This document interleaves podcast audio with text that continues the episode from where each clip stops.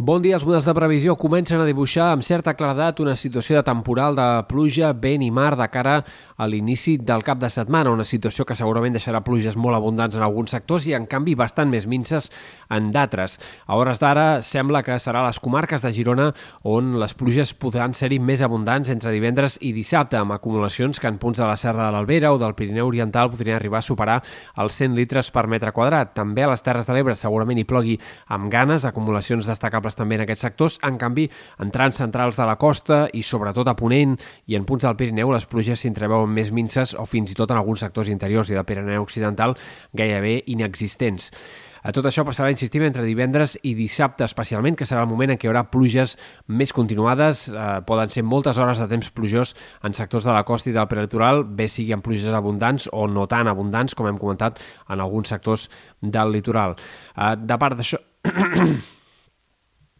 Probablement les pluges també aniran acompanyades de neu a les cotes altes del Pirineu, difícilment arribaran a nevar per sota dels 1.800 metres, però per sobre dels 2.000 es podria arribar a acumular un gruix important al Ripollès, amb acumulacions de fins a més de mig metre de neu en alguns sectors dels trams del Pirineu més pròxims a mar. Tot això passarà, insistim, sobretot entre divendres i dissabte, però abans, de moment, aquest eh, dimecres ja començarem a tenir algunes gotes, alguns plogims aquesta tarda i vespre en punts de la costa i del prelitoral, precipitacions encara molt minces i molt irregulars. Demà al matí plourà amb una mica més de ganes en sectors de la Selva, del Maresme, punts del Vallès, ruixats irregulars, encara aquest dijous fins i tot els ruixats s'arribaran a intercalar amb clarianes, però començarà a ploure amb una mica més de ganes en alguns sectors de la costa. També a la tarda i vespre les pluges guanyaran protagonisme a les Terres de l'Ebre.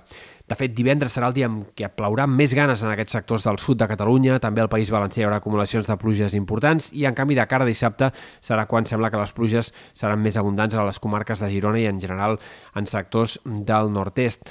Més enllà d'això, també hem de destacar el vent, que bufarà amb ganes aquests pròxims dies, sobretot entre divendres i dissabte, probablement no amb ratxes fortes, però sí amb cops que poden arribar a superar els 50 km per hora en sectors especialment de la Costa Brava de cara a l'inici del cap de setmana. Això comportarà una situació de molt mala mar de cara al cap de setmana, probablement amb onades de més de 2, més de 3 metres fins i tot en alguns sectors de la Costa Brava. I pel que fa a les temperatures, no hi haurà grans canvis aquests pròxims dies. Aquest ambient ja més suau que hem encetat de nit i a primera hora avui serà el que marcarà les pròximes jornades s'acaben les glaçades, però també s'acaben les temperatures agradables del migdia. Els pròxims dies amb núvols i algunes pluges hem d'esperar que el termòmetre es mantingui bastant ubicat al voltant dels 15 graus a la costa i al voltant dels 10, 11, 12 en moltes hores en comarques més interiors i del Pirineu.